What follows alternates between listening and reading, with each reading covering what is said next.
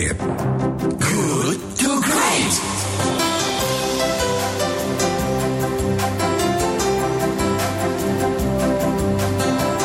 Seratus 107,1 Kilat FM Bandung Inspiring Sound. Terima kasih sahabat Kilat Anda masih bersama dengan kami di Good to Great because good is the enemy of great. Sudah memasuki pukul 8 lepas 24 menit. Dan tiba saatnya kami akan mengajak Anda untuk berdiskusi sahabat Kilat dengan tema diskusi hari ini pemolisian hibrida. Relevankah menjadi salah satu solusi mengatasi kejahatan cyber?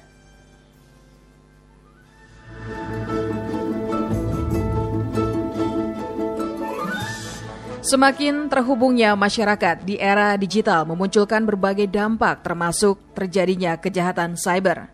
Dan saat ini negara terus berupaya mencari jalan efektif untuk mengatasi ancaman kejahatan cyber baik melalui uh, legislasi, penegakan hukum hingga edukasi ke publik.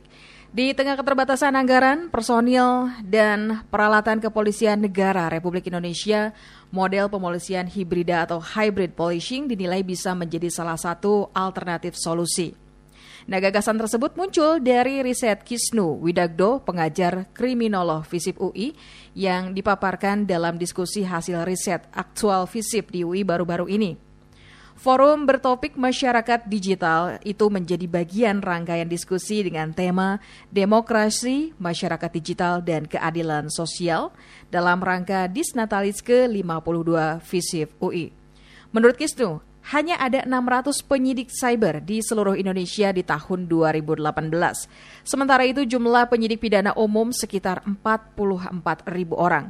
Apabila diukur berdasarkan kecukupan anggaran, personil, dan peralatan, termasuk biaya perpanjangan pemakaian perangkat lunak, hal ini membuat kemampuan ideal penanganan kasus-kasus kejahatan cyber relatif hanya dimiliki Mabes Polri, Polda Metro Jaya, dan Polda Jatim. Dalam konteks pemolisian hibrida, Kisnu menambahkan, polisi harus melakukan pemolisian di udara atau di dunia virtual dan pemolisian di darat atau uh, dunia nyata. Pemolisian di udara bisa dilakukan dengan membuat laman-laman atau sejumlah grup yang mempromosikan cara menggunakan internet yang baik. Selain itu juga Uh, selain itu bisa juga dengan mengembangkan aplikasi yang bisa digunakan mencari informasi, berkomunikasi dan sebagainya. Sementara pemolisian di darat bisa memanfaatkan bayangkara pembina keamanan dan ketertiban masyarakat untuk menyentuh masyarakat lewat berbagai kunjungan pertemuan ataupun kegiatan. Nah sahabat kelet, di diskusi kali ini kami menghadirkan narasumber yaitu Bapak Damar Juniarto yang merupakan Direktur Eksekutif SafeNet.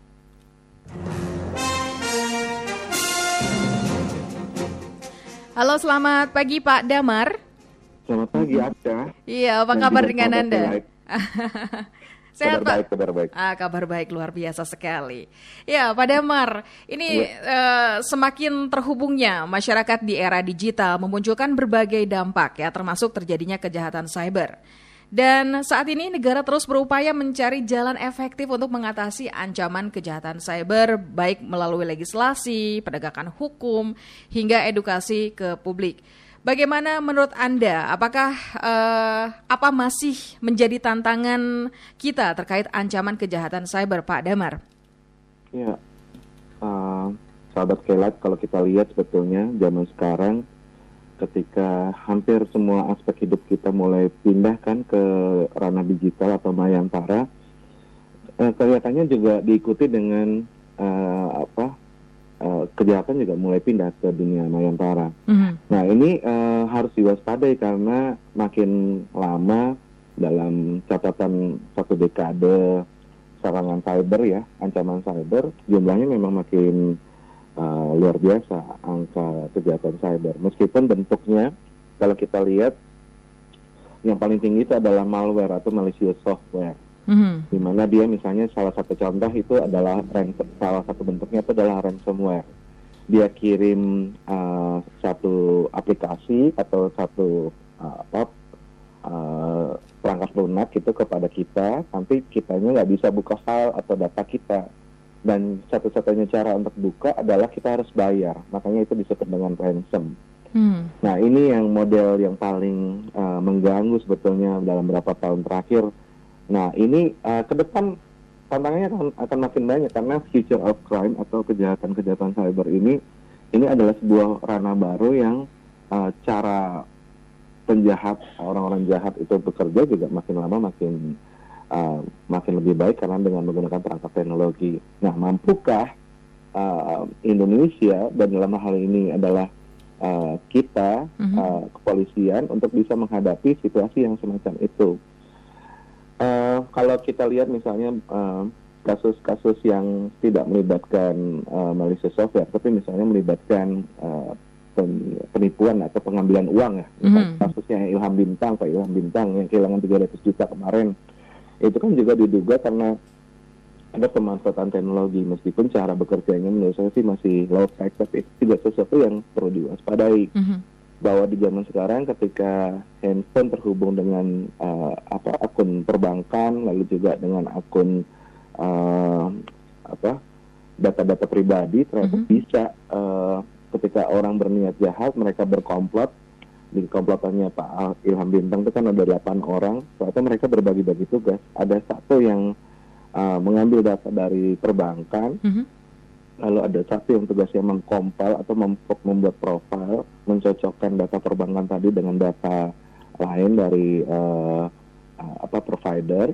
Lalu ada satu lagi yang tugasnya adalah dia me, menghijack atau me, membajak SIM card, menduplikasi SIM card. Ada hmm. satu lagi yang tugasnya membuat KTP palsu ternyata bisa membuat seseorang kehilangan uang yang cukup besar di rekening banknya sampai 300 juta. Mm-hmm. Nah, bentuk-bentuk kayak gini ini adalah bentuk-bentuk baru yang butuh uh, pemahaman tentang bagaimana dunia cyber bekerja. Mm-hmm. Terus terang, kalau di dunia cyber itu Mbak Aska, mm-hmm. itu kita butuh uh, yang sifatnya kolaboratif. Jadi nggak bisa hanya satu pihak saja bekerja. Iya. Yeah. Ya, karena di dunia cyber itu kan terkenal dengan uh, code helix uh, perspektif ya. Jadi memang di situ tuh dulu uh, akademisi bekerja uh, apa lalu uh, private sector uh, perusahaan bisnis uh, ikut bis, ikut peran serta membangun lalu juga hmm. ada uh, negara dan juga ada masyarakat sipil ini perlu di ya, apa kita perlu bareng-bareng mengatasi ini semua hmm. uh, misalnya dalam penanganan malware tadi itu ya. Malware itu nggak uh, karena dia sifatnya global lintas uh, batas mm-hmm.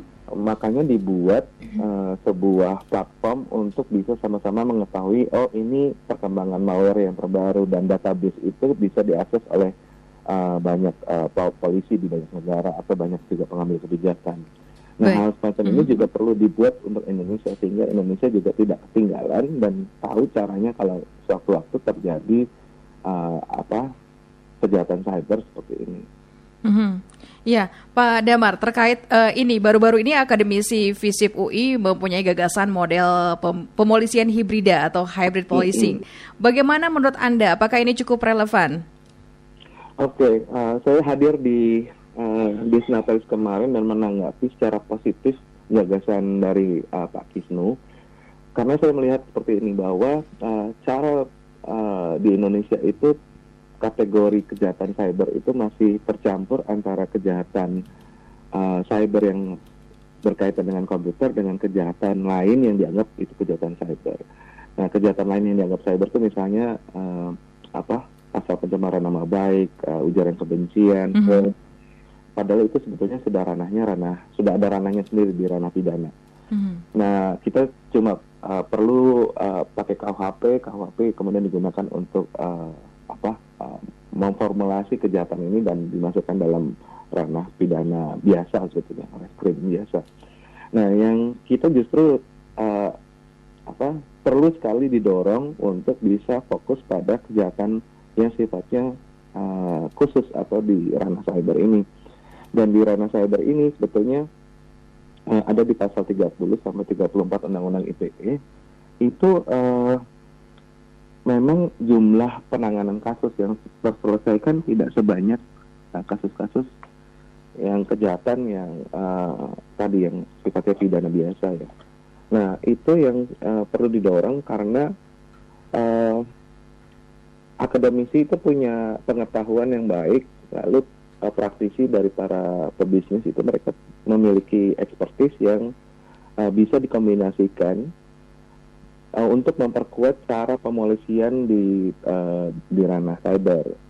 Nah, Kisnu kan datang dengan ide bahwa uh, dengan hybrid policing model uh, ini bisa jadi alternatif.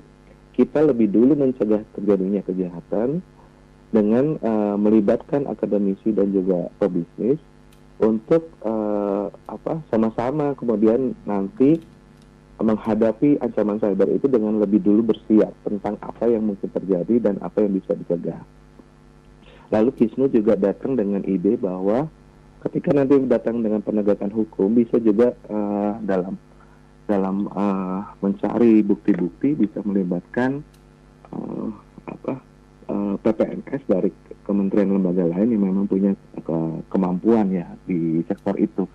Saya memahaminya gini Mbak Aska, mm-hmm. ini kan bagus ya karena uh, akan cocok dengan uh, sifat dari internet yang memang uh, multi stakeholder. Jadi kalau kepolisian disupport itu akan terbantu sekali uh, karena yang bisa uh, melakukan penanganan terhadap uh, kejahatan cyber itu ada yang bisa menangani dari sektor dari sisi uh, mitigasinya jadi gimana setelah terjadi ransomware apa yang harus dilakukan setelahnya. Tapi juga ada yang bisa membantu dalam um, mengendus atau me melakukan investigasi siapa sebetulnya pengirimnya. Dan itu sebetulnya orang-orang ahli di akademisi kampus-kampus itu mereka bisa melakukan deteksi dari mana sih sebetulnya ransomware itu dikirimkan. Mm-hmm. itu kalau bentuknya ransomware ya. Nah tapi kan tadi saya uh, sampaikan ke Mbak Aska dan juga sahabat Kelight kejahatan cyber itu berkembang terus jadi uh, malware itu hanya salah satu uh, yang paling tinggi tapi kan juga ada bentuk phishing ada bentuk yang uh, bentuk yang uh, apa pengiriman uh, uh, DDoS gitu ya, mm-hmm. uh, paket-paket besar yang bisa meruntuhkan sebuah website. Nah ini yang perlu di perlu diajak uh, dan kalau model ini memang bisa dijalankan oleh pihak kepolisian, menurut saya akan sangat sangat ideal. Mm-hmm. Meskipun catatan saya Mbak Aska untuk uh, idenya kita adalah uh, ide ini harus dikem, dilontarkan kepada pihak kepolisian dan kepolisian untuk membuka diri. Nah, okay. Membuka diri itu sampai sejauh apa komprominya? Apakah mm. bisa uh, apa mengundang pihak-pihak lain untuk membantu? Kalau memang bisa, uh, ini akan akan jadi satu cara yang bisa di, dicoba ya. Mm. Untuk me menambah uh, penyelesaian kasus-kasus. Bisa jadi alternatif ya Pak Damar ya? Besar, iya. Ya, Pak Demar, menurut Anda dalam up, uh, dalam upaya mengatasi ancap, ancaman kejahatan cyber ini, karena kejahatan cyber ini terus ada dan semakin merebak, yang paling mm -hmm. efektif melalui pendekatan apa menurut Anda? Apakah pendekatan regulasi, pendekatan hukum, atau edukasi publik? Mana yang sekiranya efektif menurut Anda? Uh, semua harus dicoba, tapi catatannya adalah kalau hukum itu biasanya terlalu uh, lebih lambat daripada teknologinya ada diktum di orang-orang uh, hukum itu uh, di kalangan para pembuat kebijakan itu biasanya uh, teknologinya sudah 10 ta udah udah maju hukumnya baru ada 10 tahun kemudian ya kurang lebihnya gitu ya. Mm -hmm. Nah itu yang uh, harus di, diketahui bahwa membuat uh, regulasi yang tegas itu penting, tetapi juga uh, hukum itu sifatnya kan dia uh, tidak bisa mengejar uh, kecepatan teknologi teknologi katakanlah setiap dua tahun sekali selalu muncul yang baru. Nah, misal yeah. ketika muncul yang baru selalu ada diikuti dengan uh, ancaman cyber yang baru. Nah, itu yang uh, apa? Saya mengatakan bahwa ini penting regulasi, kita punya regulasi yang kuat dan uh, cukup uh, deteren gitu ya sehingga orang kapok. Tetapi kalau tidak diikuti dengan uh, literasi masyarakatnya untuk tahu bentuk-bentuk kejahatan, itu juga akan kurang sehingga, uh, karena kalau tidak diliterasi masyarakatnya untuk tahu ada kejahatan cyber dan bagaimana cara mengamankan diri dari kejahatan itu juga akan membuat dia selalu rentan. Lalu yang berikutnya adalah selain literasi adalah uh, bagaimana uh, secara secara utuh gitu ya negara hadir untuk bisa melindungi uh, kita semua aman secara cyber. Nah ini bisa dengan uh, melibatkan uh, apa kerjasama di antara kementerian lembaga, misalnya Mhm. uh, handphone sekarang kan banyak yang datang dari uh, bukan kita kita bukan pabrikan yang paling uh, populer ya. Jadi kan yang kalau yang populer handphone datang dari uh, China atau Mhm. datang dari Korea gitu ya. Nah lima besar uh, lima lima perangkat yang HP yang paling populer di Indonesia itu uh, saya sebut merek uh, nggak apa-apa ya. Yang pertama itu kan Oppo, kedua Mhm. Samsung, tiga itu Xiaomi, keempat uh, Vivo dan kelima Realme. Lima limanya ini kan punya pre-install aplikasi.